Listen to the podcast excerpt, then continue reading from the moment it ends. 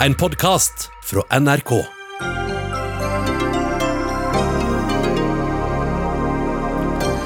Politiet brukte for lang tid, og PST burde ha delt trusselvurderingene sine. Det mener utvalget som har gransket eh, angrepet mot Al-Noor-moskeen. PR-guru Hans Gelmøyden legger seg flat og beklager rasisme. Han mener han har for gamle referanser.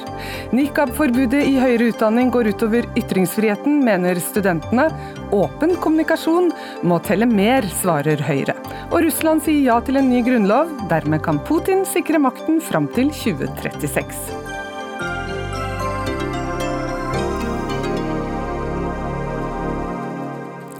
Velkommen til Dagsnytt 18 i dag. Jeg heter Anne Katrine Førli. Vi skal først uh, høre om Manshaus-saken, eller angrepet mot Al-Noor-moskeen i Bærum i fjor. De visste om ham, de hevet trusselnivået fra lite sannsynlig til mulig høyreekstremt terrorangrep i Norge, og politiet ble villedet bl.a. av Google Maps på vei til moskeen. Dette var noe av det som kom fram da det eksterne granskingsutvalget la fram sin rapport i dag. Og Hvis vi starter med politiets eh, håndtering av dette her. Beate Gangås, du er politimester i Oslo. Det tok 20 minutter før politiet ankom Al-Noor-moskeen, til tross for at politistasjonen var seks km unna unna. Er det godt nok?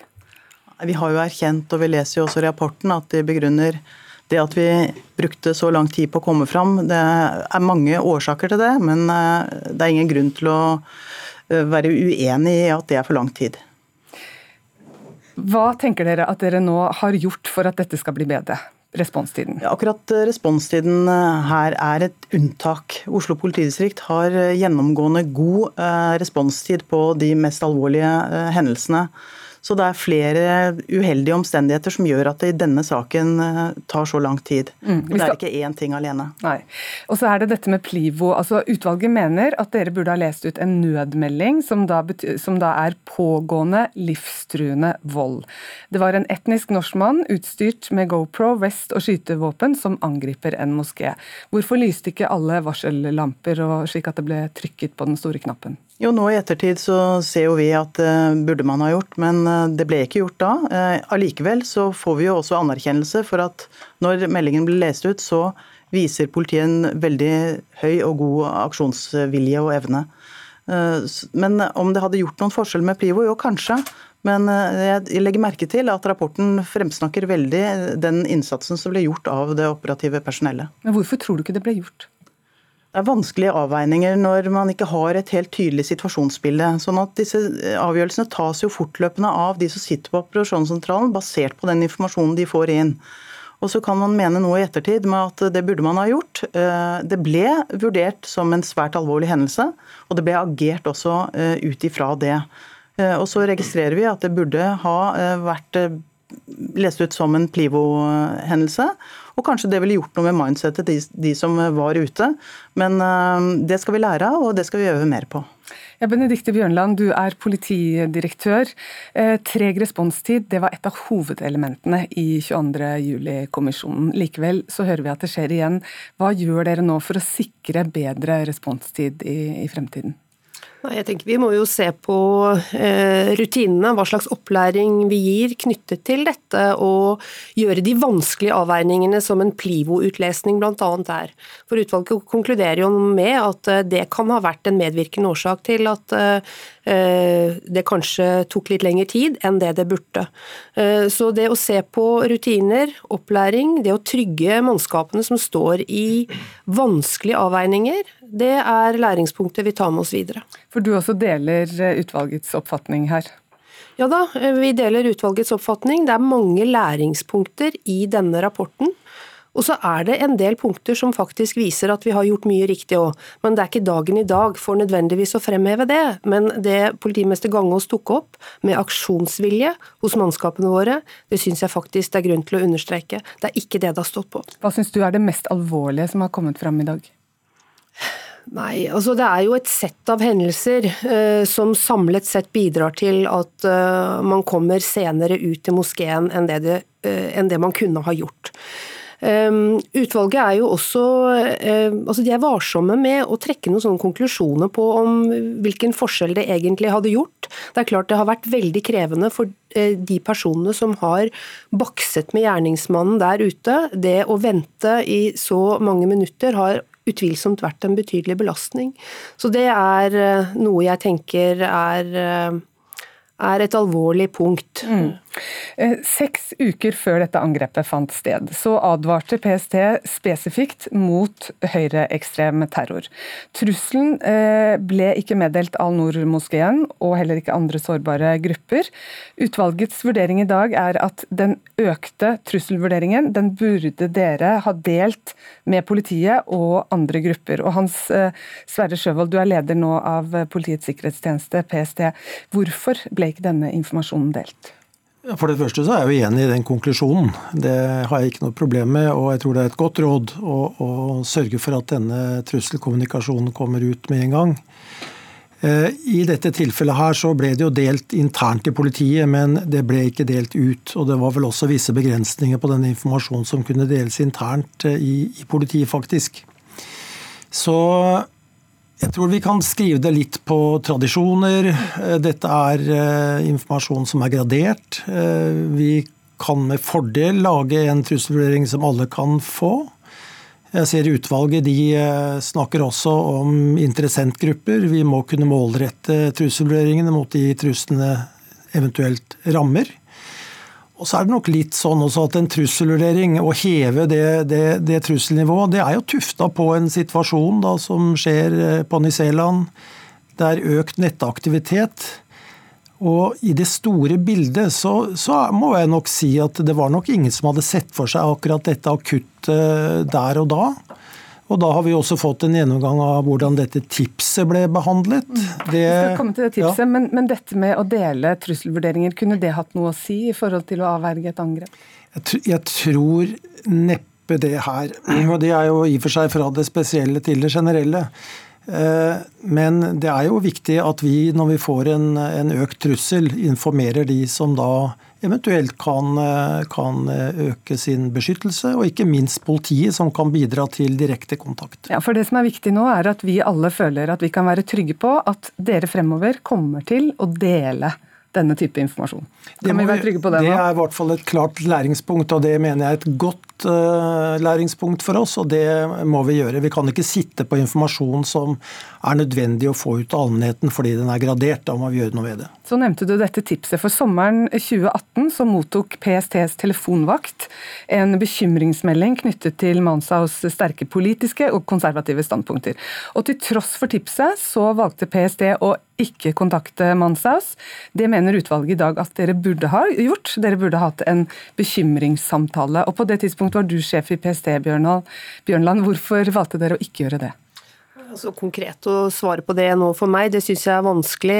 De detaljsvarene har ikke jeg. Men det jeg registrerer, er at utvalget er ikke svart-hvitt på dette her om at man burde hatt en, en bekymringssamtale med Mansas. Man konkluderer med at eh, en bekymringssamtale kan stoppe et radikaliseringsløp men den kan også trigge og fremskynde en handling. Så der er utvalget faktisk eh, ganske nyansert, mer enn det du eh, formidler her nå. Men Var det det at dere var redd for at det kunne øke radikaliseringen, at dere da valgte å ikke ta kontakt? Nei, altså det jeg har lest meg fram til i rapporten, og så får Sjøvold eh, mm. supplere. Jeg kan gjøre det, fordi at uh, dette tipset som vi fikk inn, det ble jo, det ble jo grundig behandlet.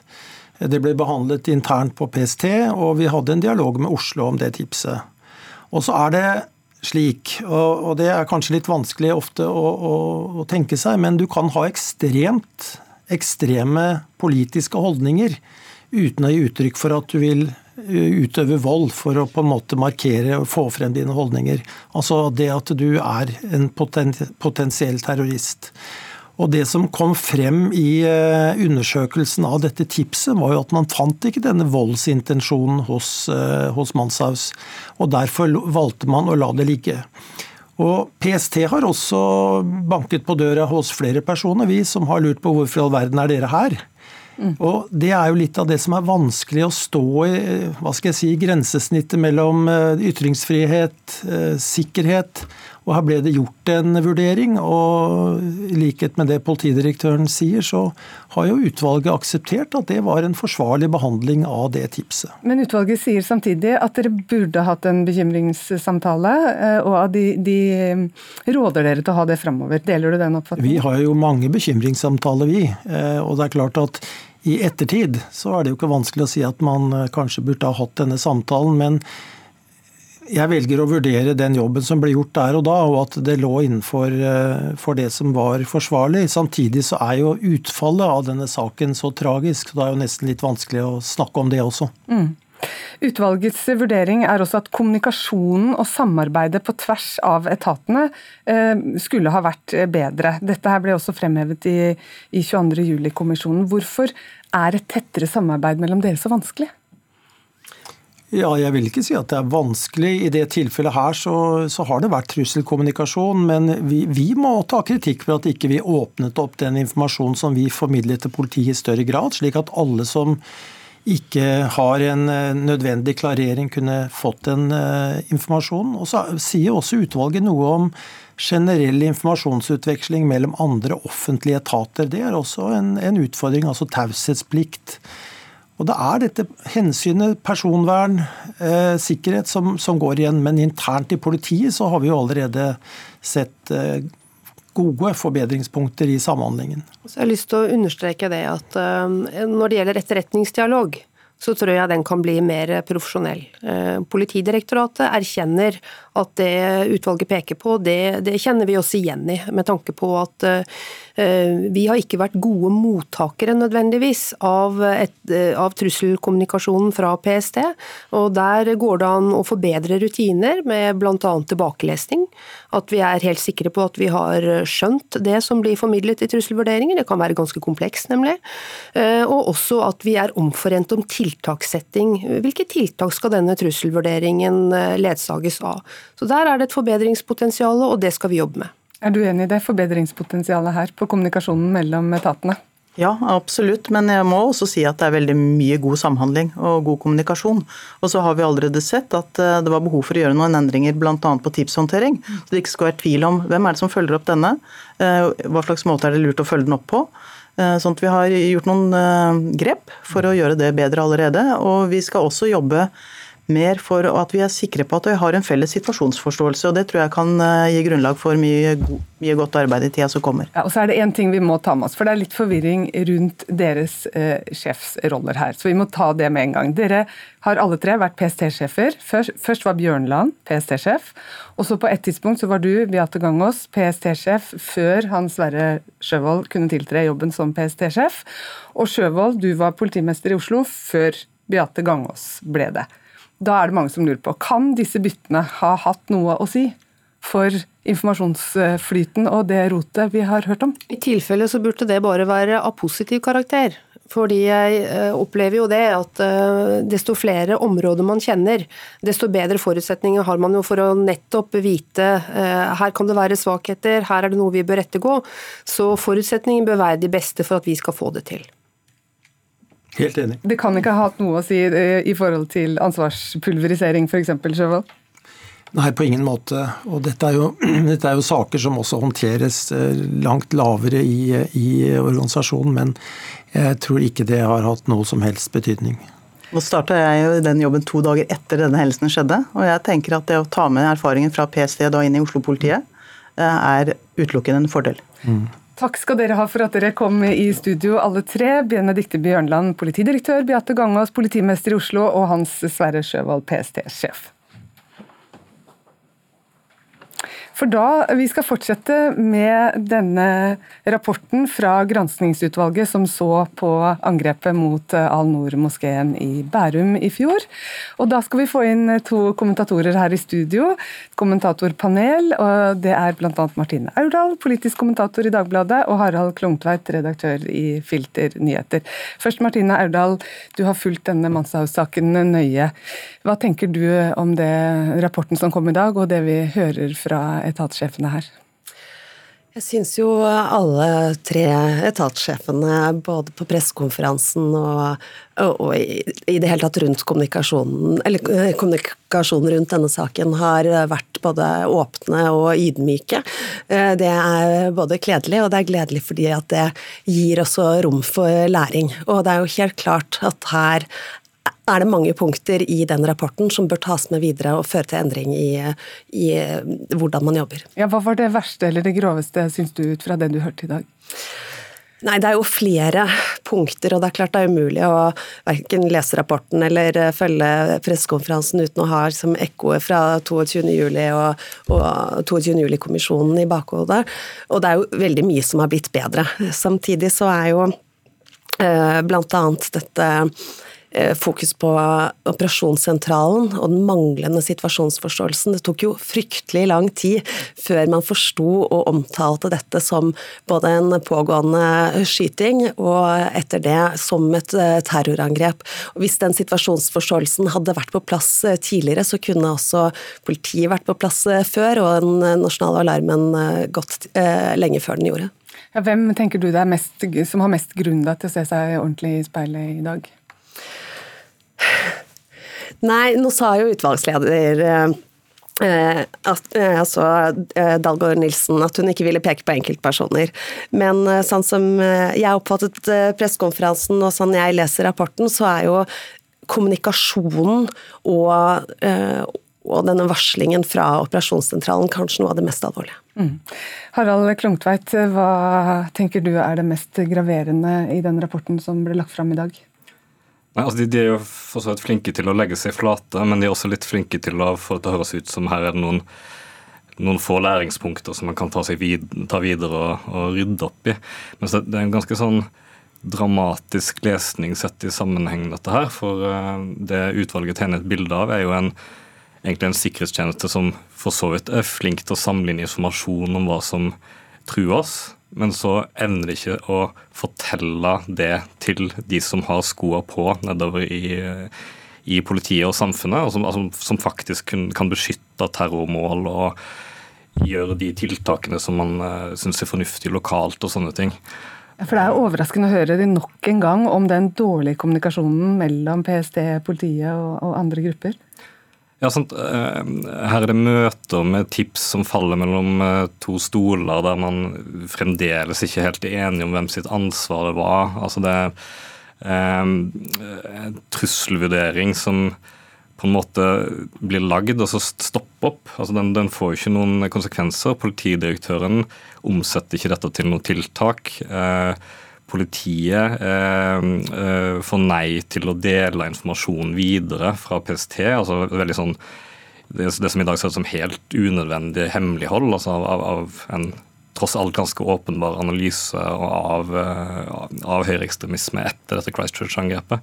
Så det, det, det, er ganske utrolig å lese at det skal være så vanskelig eh, i lys av det Norge har opplevd før, å få, få denne kommunikasjonen på plass. Altså. Mm. Ingen ville at dette skulle skje, og så skjedde noe igjen. Holder det vi har hørt i dag, Erdal? Nei, om det holder. Altså, uten å ha fått beskjed fra PST og fra politiet, så hadde jo Al-Noor-moskeen selv innsett at det var større trussel etter det som eh, skjedde i Christchurch, og hadde på eget initiativ installert sikkerhetsdører i moskeen. Hvis ikke så kunne dette angrepet endt mye verre. Og når vi vet at dette var den helgen muslimer feiret id, så er det helt åpenbart at den trusselvurderingen burde vært kommunisert mye bredere, og at tiltak for å beskytte moskeene burde vært satt inn på forhånd. Eh, men det er lett å være etterpåklok, og jeg tror at den holdningen som vi ser hos eh, politiet og PST, har sett hele veien Det var jo sterkt også å følge PSTs pressekonferanse eh, umiddelbart etter terrorangrepet, hvor de også la seg flate og åpenbart var preget av situasjonen.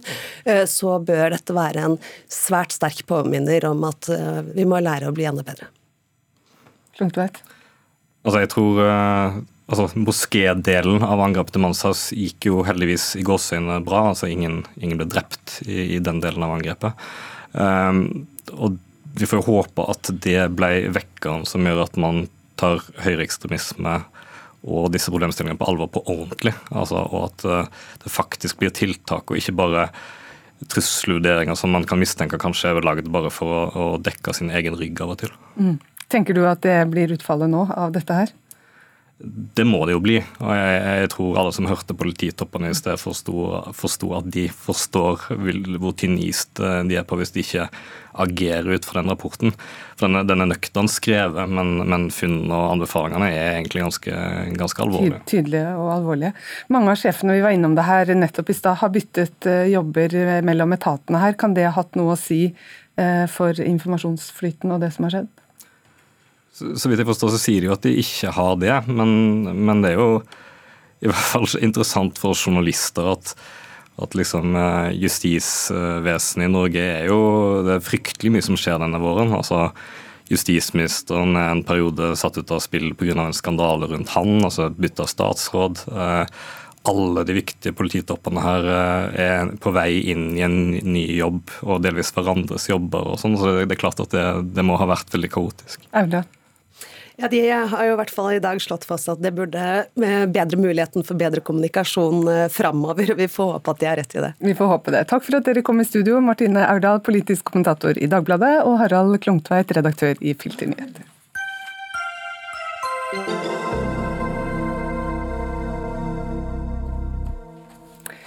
Nå skal det handle om krisehåndtering. For i et intervju med bransjeavisen Kampanje så uttalte eh, PR-nestor Hans Gelmeiden at kebabnorsk er ikke godt nok i GK. Senere i en Facebook-tråd kalte Gelmeiden Omar Osra for en autoritær ekstremist, og videre skrev han at han måtte lære seg vestlige verdier og ikke misbruke dem. Ja, velkommen i studio, Hans Gelmeiden. Det har stormet rundt deg den siste tiden. Du er altså seniorpartner og sjef i PR-selskapet Gelmeiden Kise. Nå legger du deg flat og ber om unnskyldning i en pressemelding. Hva er det du unnskylder? Eh, det er egentlig verre enn som så. Eh, jeg ser at jeg har kommet med to rasistiske utsagn. Eh, og det tok litt tid før jeg forsto at de utsagnene var rasistiske. Så dette er jo en debatt som har pågått en 14 dagers tid i offentligheten den siste uken. Og på et tidspunkt, så, etter noen dager, så skjønte jeg ikke helt hva det var som traff meg. Eh, og da våkner jo alltid journalisten og redaktøren i meg, jeg har jo arbeidet i pressen jeg også, eh, for å prøve å forstå hva det var som skjedde. Eh, så da ba jeg litt om timeout, for jeg måtte jo sette meg ned og forske og finne ut av faktagrunnlaget. Og I normale debatter så er man jo opptatt av å forstå, men min første innskyldelse var at her var man mer opptatt av å misforstå hverandre. Eh, jeg fant tidlig ut eh, at jeg måtte ta min del av ansvaret for at dette ikke fungerte. Og så fant jeg tidlig ut at eh, dette var en så viktig samtale at vi måtte finne en bedre måte å snakke sammen på. Mm. Det, jeg refererte i stad hva du hadde sagt, men hva er det du da sier er rasistisk av det du har sagt? Ja, jeg er 63 år gammel. I min barndom så sang man om hottentotter, og det gikk opp for meg at mine referanserammer var ganske gamle. Så hvis man tenker på den måten, så beskriver man egentlig seg selv som nesten utrangert. Og jeg fant ut at jeg vil ikke være utrangert, så jeg vil heller prøve å forstå uh, hva dette er. Men hva er det du har sagt som er rasistisk? Uh, og dette er jo en stor debatt. For jeg forsto i utgangspunktet ikke at de utsagnene var rasistiske. Så da satte jeg meg ned, tok kontakt med 30-40-50 venner, kjente eksperter, og spurte hva er rasisme? Hva er et rasistisk utsagn, og hva er en antirasist? Og Det er ikke noe sånn at det er veldig klare definisjoner. I tidligere tider så var jo en rasist en som hadde utgangspunkt i biologi. I dag handler dette, Prøv å holde oss til det du har sagt. Eh... I dag handler dette vel så mye om uh, sosiale forutsetninger og kulturelle forutsetninger. Ja. Og jeg tror For å forstå hva et rasistisk utsagn er, så tror jeg man må forstå at ethvert utsagn kommer i en sammenheng. Det kommer i en kontekst. Og mine to utsagn er rasistiske fordi Eh, jeg brukte ordet kebabnorsk for å karakterisere eh, eh, en språkføring i en etnisk minoritet. Og det er jo der problemet kommer. For øvrig kan man jo godt bruke uttrykket kebabnorsk, men jeg brukte det til å distansere og til å snakke ned til. Og det samme med utsagn nummer to. Jeg kan jo godt si til deg, som ser ut som du er født og oppvokst i Norge, at du sliter med dine vestlige verdier. Det er ikke sikkert at du hadde blitt uh, sint for det engang, det kan godt hende at du hadde blitt uh, glad for å høre det. Uh, men når jeg sier det til en etnisk minoritet, så virker det helt annerledes. Så det er det du, du, unnskylder i dag? At du har brukt den på en måte som blir rasistisk? Ja, og det er dette jeg har brukt åtte til ti dager på å forstå etter intense studier. Men er det det at det oppfattes som rasistisk, eller at det du har sagt er rasistisk? Nei, det er rasistisk. Og det er jeg veldig klar på i denne beklagelsen. Men jeg skjønte det ikke selv til å begynne med, så det brukte jeg litt tid på å erkjenne. Og I mellomtiden så sa jeg til dere blant annet, som ringte meg hver dag fra Dagsnytt 18, at jeg må få lov til å finne ut av dette først. Ja, For det tok veldig lang tid. Syns du det var så lang tid? det var åtte til ti dager. Åtte dager på å innse at det var rasistisk? Ja, men er du sikker på at du hadde forstått det selv? Er du sikker på at du selv hadde klart å komme med en definisjon? Det, jeg brukte litt tid på det i hvert fall. Det det jeg, er helt sikker på, det er at jeg ble veldig overrasket over at en nestor innen krisehåndtering som deg, som lever av å gi råd til andre, eh, ikke skjønte før at dette ble feil, og kom ut og beklaga det. Ja, jeg har ikke noe særlig behov for uh, å gjøre annet enn å forklare hvordan erkjennelsesprosessen var. Og jeg tror uh, at hele verden ser ganske annerledes ut etter George Floyd. Eh, jeg tror verden ser annerledes ut etter Black Life Matters og etter at vi har fått sosiale opptøyer i USA. Eh, og det er jo ganske ny dato. Eh, så jeg ser på Facebook at det er, der, er du forbilledlig. Jeg ser på Facebook at, og på sosiale medier at det er veldig mange som sliter med denne erkjennelsen. Og i dag er det jo veldig mange som angriper meg av mennesker som har den samme gamle referansebakgrunnen, for at jeg har beklaget at disse utsagnene er rasistiske. Så jeg tror ikke dette er opplagt for mange. Men jeg fant ut på et tidspunkt at noe kan man kanskje bruke en 63 år gammel hvit mann fra Smestad til. Så hvis jeg kunne gå foran og formidle hva det er jeg har erkjent, så kanskje flere vil kunne gjøre samme erkjennelsen.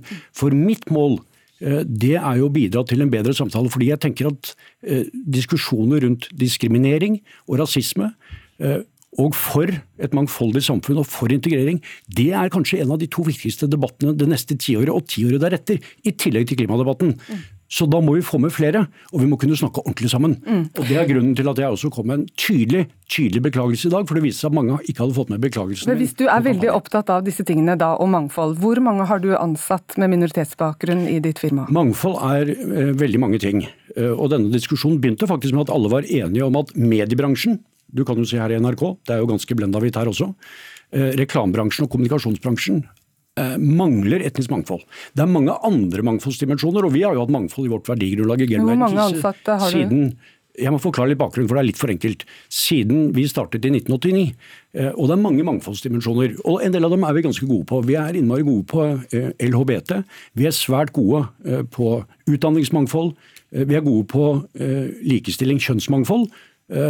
Og vi er gode på klassemangfold, men vi er ikke gode nok på uh, etnisk mangfold. Selv om vår uh, konsernledergruppe på syv består av to med etnisk minoritetsbakgrunn, fire kvinner og tre menn. Og det er ikke så verst. Mm. Du, Dine ansatte gikk ut og sa nå er det nok Hans. Var det det som ble avgjørende for deg? Nei. Det som først ble avgjørende for meg, var at jeg kom hjem til min 18 år gamle datter og spiste middag. Og hun sier, hun er svært oppgående, hun sier far, dette er ikke bra. Det var starten for meg. Og Så begynte jeg å ringe rundt, og så fikk jeg en del gode råd. og Så veide jeg de rådene. Og så gjorde jeg en erkjennelse i går og jeg syns egentlig ikke det tok så lang tid. Jeg tror i hvert fall ikke det tok for lang tid. Og så kom beklagelsen min uforbeholdent i dag pga. To rasistiske utsagn. Ja, og så er det mange da som lurer på, fordi dette at du sa dette, at det tok de åtte dagene det tok, det gjorde at en del av kundene deres sa at dette vil vi ikke være med på. Ikea Norge, LO sagt opp kontrakten med dere pga. uttalelsene. Hvor mye har dette kostet GK? Ja, det syns jeg er svært beklagelig at de gjør. Nå har vi 200 kunder i GK, og det ingen, eh, dette truer ikke vår økonomi, for å si det sånn. Men eh, hvis min erkjennelsesprosess hadde vært raskere, eh, vi er jo ikke så kjappe i, vår, i min alder som du forstår, så kunne det kanskje vært unngått. Har du vurdert din stilling? Nei, det har jeg jo ikke. Jeg er jo også 95% av selskapet, så det er jo ikke sikkert at det hadde hjulpet. Og så er det flere som spør. Jeg må spørre, hva svarer du på, er du rasist? Det finnes ikke raser, så svaret er nei. Da skal vi ta med oss en til her, og det er eh, Omar Ashraf, som er kommunikasjonsrådgiver. Det var du som ble kalt en autoritær ekstremist av Gelmøyden, og som fikk beskjed om å lære deg vestlige eh, verdier. Hva, hva, sier du til unnskyldningen som du får her fra Gelmøyden?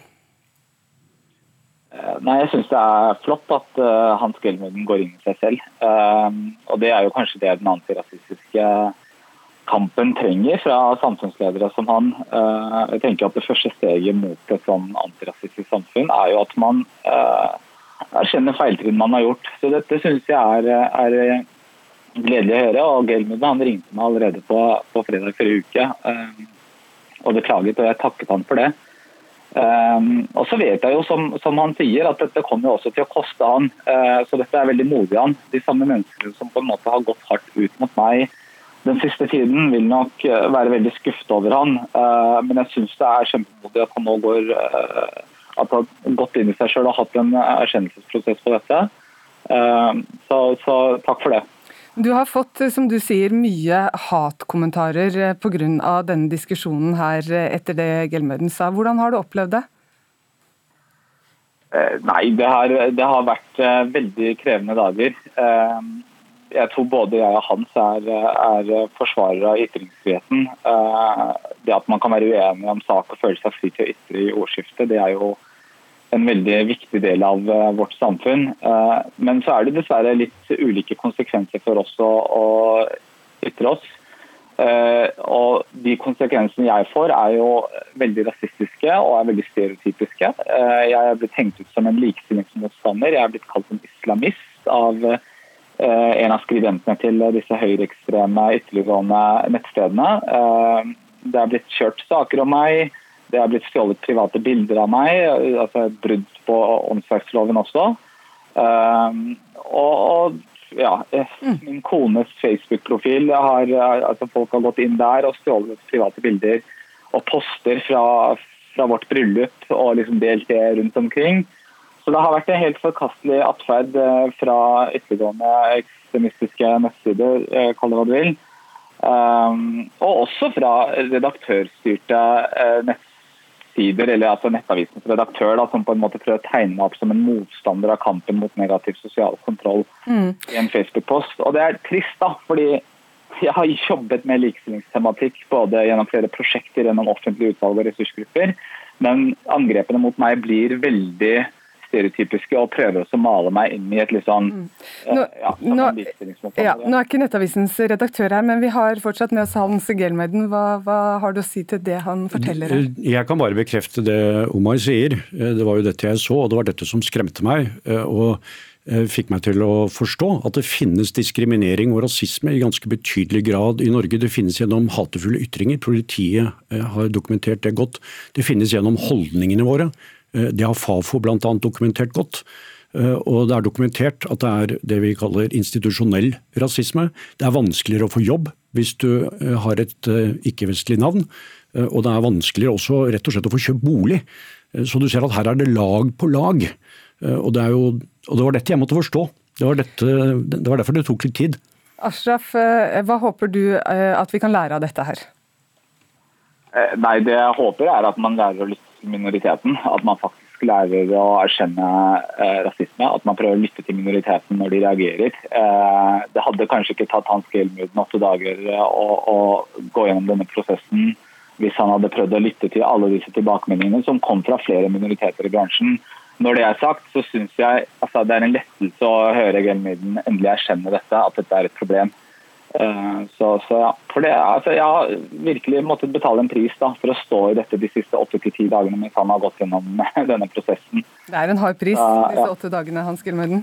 Eh, det har sikkert tatt en pris både for Omar, og det beklager jeg. Det er vel ikke sikkert bare min, at det bare er min skyld. For mitt vedkommende så, har, så vil jeg bare si at all vanskelig læring gjør vondt. Men det er jo veldig godt når man har lært. For man blir jo ikke gammel før man slutter å lære. Det ble en fin fin sistesetning på denne diskusjonen her. Takk skal dere ha, Hans Gelmøyden, seniorpartner og sjef i PR-selskapet Gelmøyden Kise, og Omar Ashraf, kommunikasjonsrådgiver.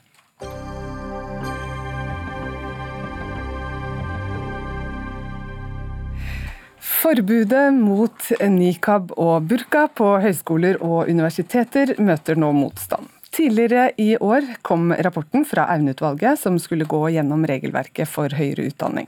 Nå er høringsfristen over, og ifølge innspillene er forbudet verken populært hos utdanningsinstitusjonene eller hos dere i Norsk eh, studentorganisasjon, hvor du er leder, Andreas Trohjell. Dere skriver i Aftenposten i dag at dette går utover ytringsfriheten. Hvordan er dette her et inngrep i ytringsfriheten, at man da ikke kan få lov å dekke til ansiktet sitt på en forelesning? Ja, altså vi, vi, lener oss først og fremst på mindretallet i eh, rapporten i utvalget, når de snakker om at det bryter med dette.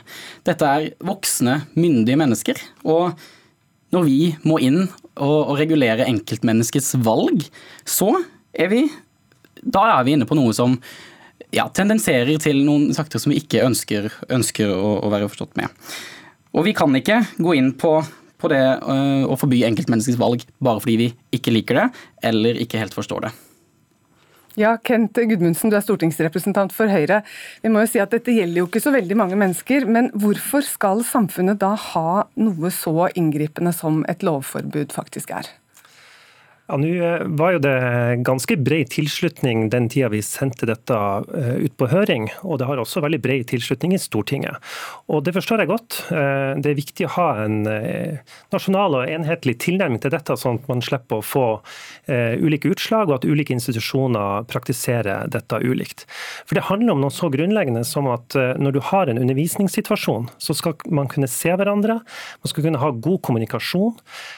Vi vet av forskning at ja, bare 10 av kommunikasjonen er ord. Resten er kroppsspråk og mimikk og og Da er det faktisk veldig viktig hvis vi skal få til god undervisning, at vi kan se hverandre, snakke med hverandre og ha en fullverdig dialog. Er ikke du opptatt av det da, Trojer? Jo, men sant, dette er en problemstilling som egentlig ikke er til stede. Det er et utrolig fåtall dette gjelder. Og i en undervisningssituasjon så har du en forelesningssal med flere hundre mennesker. Det sitter én eller to der som du ikke ser ansiktet på, så gjør ikke det noe. Det har vi ingen faglig grunnlag for å si at det gjør noe med undervisningen eller med læringsmiljøet.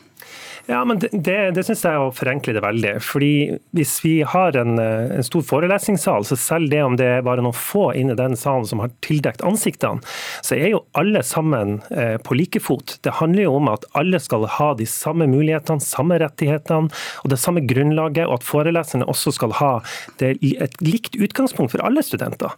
Og Derfor så mener jeg at det er viktig at vi har et eh, nasjonalt og enhetlig regelverk på dette, sånn at det ikke blir forskjellsbehandling og uforutsigbarhet. Og så mener jeg at det er et viktig viktig signal fra storsamfunnet om at når man eh, skal ha god mellommenneskelig relasjon, så skal vi kunne se ansiktsuttrykkene, se ansiktsuttrykk i, i ja, full kommunikasjon.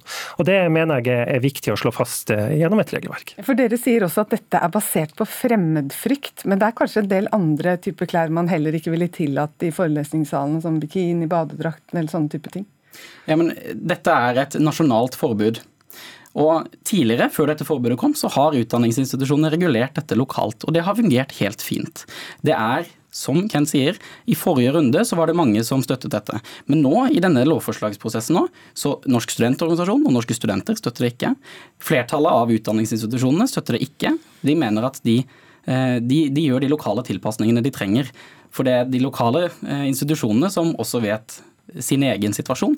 Og da, eh, da ønsker vi å lene oss på den. Da. Ja, For dette med selvbestemmelse, som dere vil ha, og som også utdanningsinstitusjonene vil ha, det må vel være god høyrepolitikk? Ja, absolutt. Eh, det er jo sånn at Styrene og universitetene har full autonomi på alt av faglige og ellers eh, det som rammes inn i universitets- og høyskoleloven. Hvorfor men, ikke, på dette, dette, området, da? Men dette her handler jo om å skape en enhetlig ramme rundt eh, noen viktige prinsipper. Dette med at man skal kunne se hverandre, og at det ikke skal være forskjellsbehandling, at det skal være ulik praksis på et eh, viktig felt som er grunnlaget for undervisninga. Så for oss så, så handler det rett og slett om at du skal kunne se deg i øynene når du prater sammen.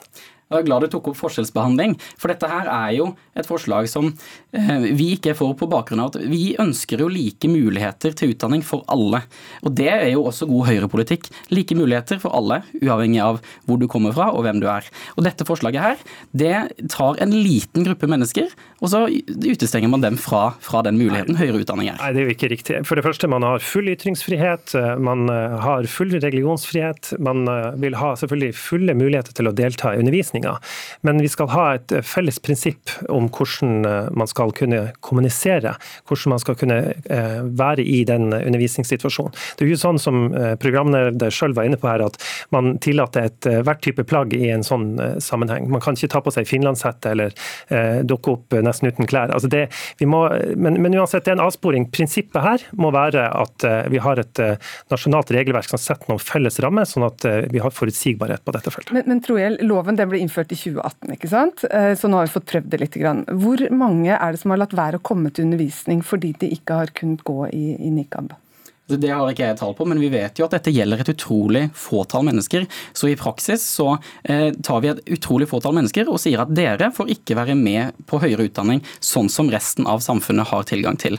Eh, så vi håper jo ikke at det har hatt så stor utgift for dem, men det er i undervisningssituasjonen dette gjelder. Du kan gå rundt på campus, eh, det har man ikke tatt tak i. Og det er jo nettopp derfor at i den undervisningssituasjonen hvor utdanning skal være med like muligheter for alle sammen, så tar man en liten gruppe mennesker og sier at dere, de, dere ønsker vi dessverre ikke å ha her. Ja, men Der sier du det sjøl. Det er altså ingen begrensninger når du går utenfor undervisningssituasjonen. og Det er jo det som er poenget. Man rammer den inn. Eh, og Så må vi jo også lytte til at eh, mange professorer og en stor bredde av høringsinstanser når denne loven ble innført, støtta jo at den kom på plass. Nettopp fordi at man opplevde i enkelte, det var få tilfeller, ja, men i enkelte situasjoner ikke ville få god undervisning. Fordi man så ikke ansiktsmimikken, man så ikke eh, kroppsspråket på samme måte som man gjorde med sine medstudenter. Så handler det også om at medstudentene skal ha eh, rett og krav på å kunne ha godt samspill eh, seg imellom. Og da mener jeg at det er viktig at vi har et nasjonalt regelverk som slår dette fast, og at det er storsamfunnets oppfatning at sånn må det være hvis vi skal få til god undervisning. Det faller jo egentlig litt gjennom, fordi eh, alle har rett til å være der, alle har rett til å ta høyere utdanning i Norge. Og så er det denne gruppen som ikke får lov.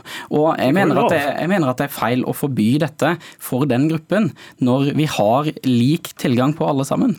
På, på, på, utdanning for alle sammen. Men jeg skjønner ikke hvorfor du sier at de ikke får lov til å ta utdanning. Får jo, høys, alle får jo lov til å ta utdanning.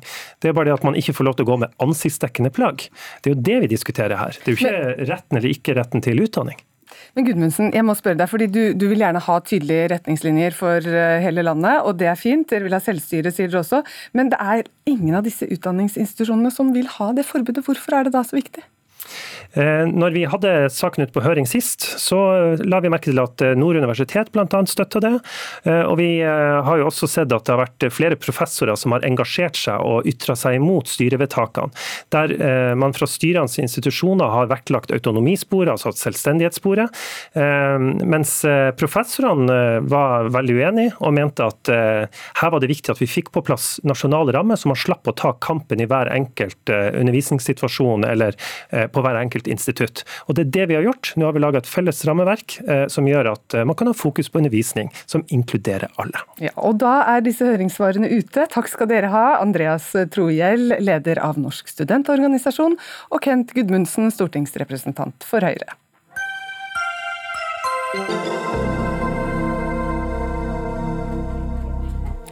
Vi har diskutert det før. Hvordan skal Norge komme seg ut av koronakrisa? Gjennom en kronikkutveksling i E24 så har Høyre og Arbeiderpartiet diskutert hvilken vei som er den riktige å gå. For mens Høyre vil satse på privat sektor, kritiserer Arbeiderpartiet dem for ikke å ha gjort nok. Og Modassar Kapur fra Høyre, du er også leder av Stortingets finanskomité. Hvordan er det dere i Høyre vil at det skal satses mer på privat sektor? Hvis du tillater meg, skal jeg gå et halvt skritt tilbake for å få en inngang til, til hvorfor jeg skrev eh, kronikken. Også det siste året før koronakrisen hadde Norge skapt rekordmange nye jobber. 50 000 arbeidsplasser, 40 000 av de i privat sektor. Og arbeidsledigheten var den laveste på ti år. Da var Arbeiderpartiets svar eh, at man ønsket økte skatter og avgifter. Hadde privat allergi, nei til reformer. Jeg tenkte at du skulle begynne å si ja, hva dere vil, vi... ikke hva Arbeiderpartiet vil. Ja. Kan vi ikke prøve det? Så har vi hatt den største økonomiske krisa nå siden andre verdenskrig, og vi mener at eh, nå som vi bank i bordet begynner å få kontroll på smitten, er vår viktigste oppgave å styrke privat sektor. Vi mener at det er vår felles velferd finansieres nettopp av at bedrifter går med overskudd, betaler skatt som kommer fellesskapet til gode.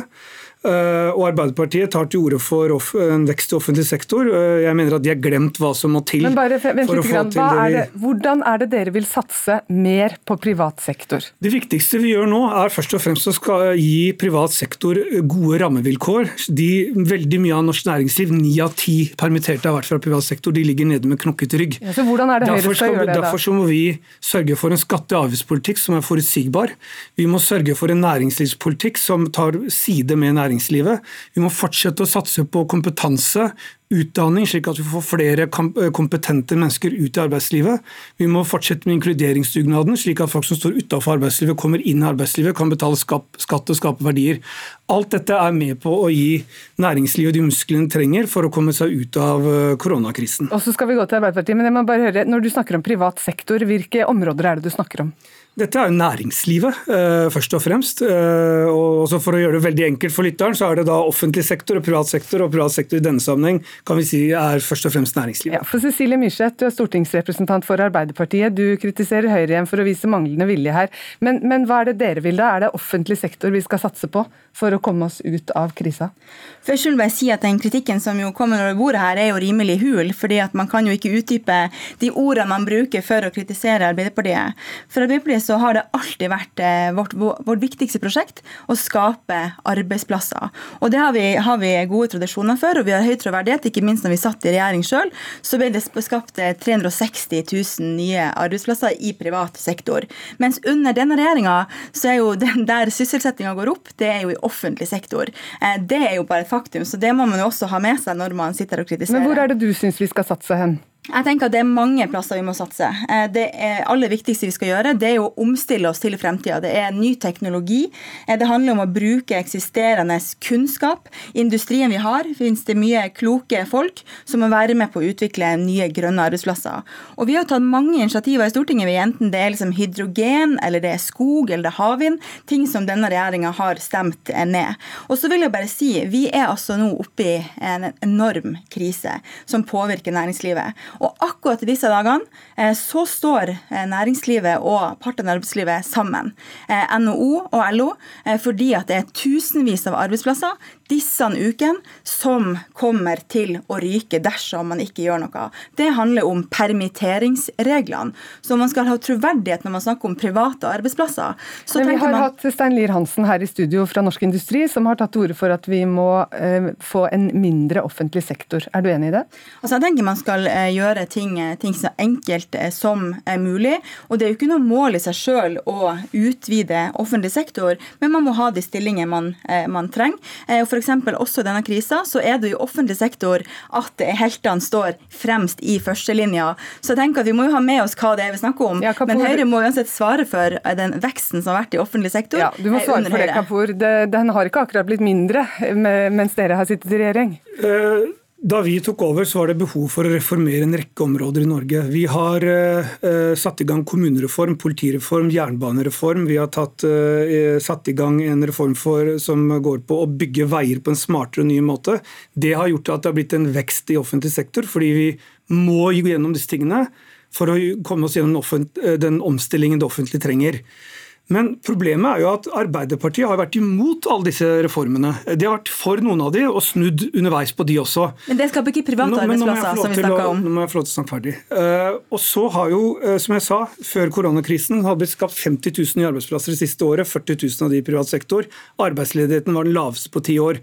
Arbeiderpartiets svar på dette har gjennom hele fireårsperioden vært som dere har gått til valg på, 15 milliarder kroner i økte skatter og avgifter. Og La meg da få lov til å spørre dere da, rett over bordet. Næringslivet ligger nå nede med knokket rygg. Ja. De trenger hjelp mm. til å komme seg opp på beina. Ja. Vi har stått sammen med Arbeiderpartiet og alle partiene på Stortinget. Mm. Politiske Norge har funnet sammen, det skal vi være stolte av. Eh, og laget gode ordninger som har, som har sørga for at bedrifter ikke går over kneika, eh, ikke går, går konkurs, og at eh, folk kommer tilbake i jobb. Mitt spørsmål til dere er da kan dere nå fortelle om dere har tenkt å fortsatt å gå til valg på økte skatter og avgifter? Det trenger, det, trenger, bedriftene å vite. Ja, for det... de begynner nå å jobbe med neste års budsjetter og årene fremover. Hva, hva blir regninga fra Arbeiderpartiet? Altså, det her er jo ikke en skattedebatt. og jeg tenker at Vi kan godt gå tilbake til Dette handler om rammebetingelser, som jeg snakket om i stad. Vi går, snakker om private arbeidsplasser. Ja, kan du svare på det? Hva mener Arbeiderpartiet? Da må jeg få snakke, da. Eh, private arbeidsplasser. Eh, I går så var jeg og møtte ledelsen i Scandic sammen med ledelsen i LO. Eh, I dialog med NHO, altså partene i arbeidslivet som du nå snakker om, som har nettopp sendt ut oppsigelsesvarsel til 1000 mennesker. De sier at om regjeringa ikke snur, eller ikke om Stortinget ikke får muligheten til å ta grep, så kommer de til å komme med ytterligere oppsigelser. Så om vi skal snakke om private arbeidsplasser, så må vi holde oss til, det. ja, for å ta den permitteringsordningen som Myrseth nevner her, Kapur. Eh, det er veldig mange bedrifter som er ute og sier at de trenger å få en utvidelse av den permitteringsordningen, og som venter på det. Vi har jo hørt hoteller som har permittert mange. Eh, vil det komme fra dere nå i, i nær framtid? Jeg er veldig glad for at vi er eh, innom dette temaet nå, fordi her trenger jeg å svare Arbeiderpartiet litt på den skremselspropagandaen Ikke snakk om Arbeiderpartiet nå, nå svarer du på spørsmålet. Jeg skal svare på spørsmålet ja. gjennom det, men Arbeiderpartiet er jo i studio, de òg. Vi, altså, vi har vært krystallklare på at uh, stortingsflertallet med Høyre, KrF, Venstre og Frp har vært klare på at regjeringen skal følge med på situasjonen gjennom sommeren. Det holder ikke i dialog med partene i arbeidslivet.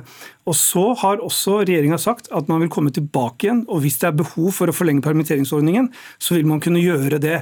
Akkurat nå er den forlenget ut oktober, eh, og så ønsker man å se på om det er behov for å forlenge den lenger.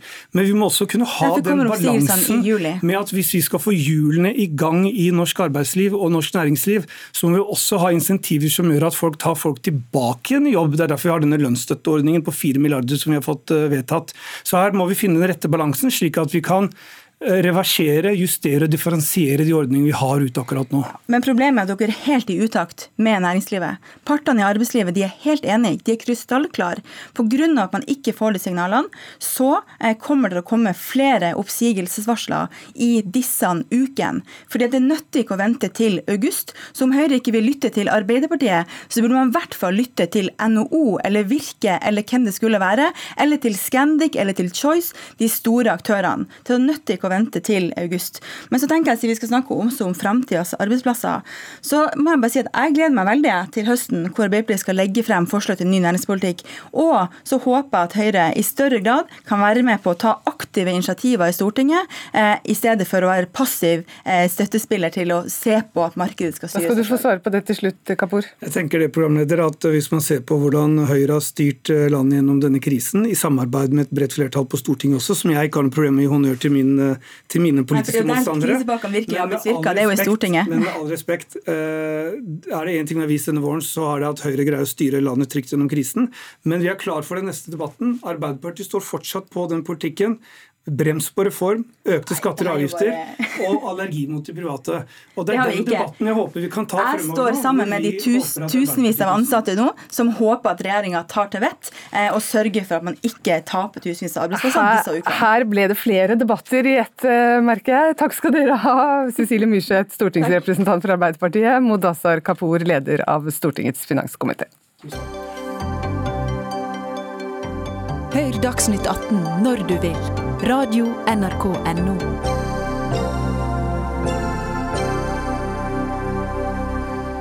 I dag er formalitetene ryddet av veien. Stemmene etter folkeavstemningen i Russland er talt opp, og Vladimir Putin kan bli sittende som president i 16 år til, altså frem til 2036.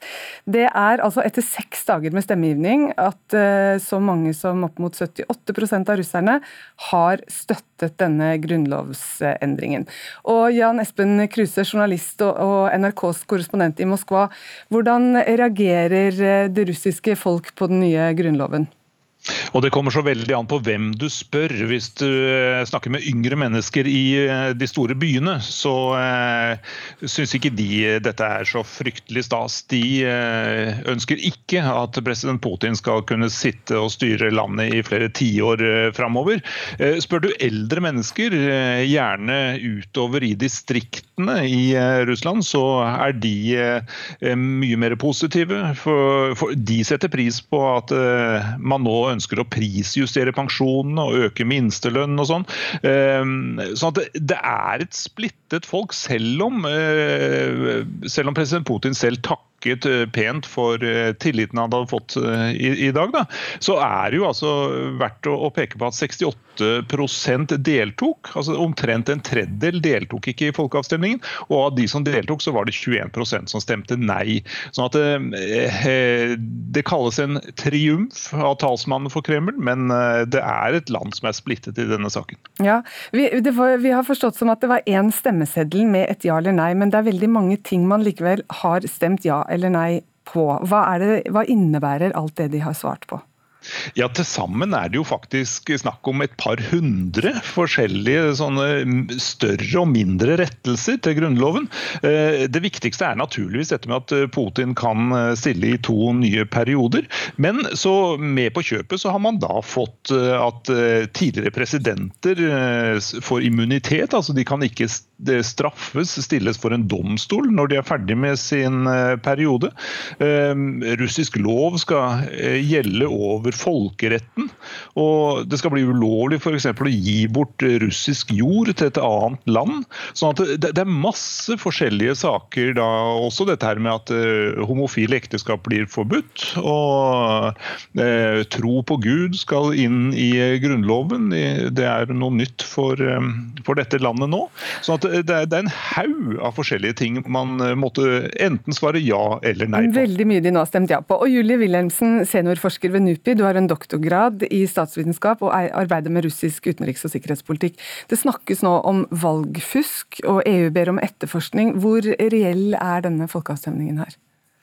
Den er jo ikke reell i den forstand at uh, hele den offentlige debatten uh, har vært, uh, hatt en slagside over veldig lang tid til fordel for myndighetene, slik at motrøster kan ikke komme til i forkant. Og i tillegg så er det selvfølgelig måten ting skjer på selve valgdagen. At vi vet at folk blir presset til å gå og stemme. Det har blitt delt ut gavekort for å få folk til å stemme. Det er store reklameplakater som bare går i én retning, eh, osv.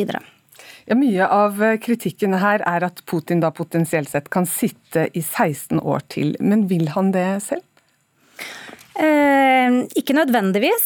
Eh, så det er viktig å forstå at eh, det er mer sannsynlig at det man har gjort i denne konstitusjonen, er for å unngå at det skal bli for mye trøbbel i overgangen fra Putin til en, en ny eh, leder i, i Russland.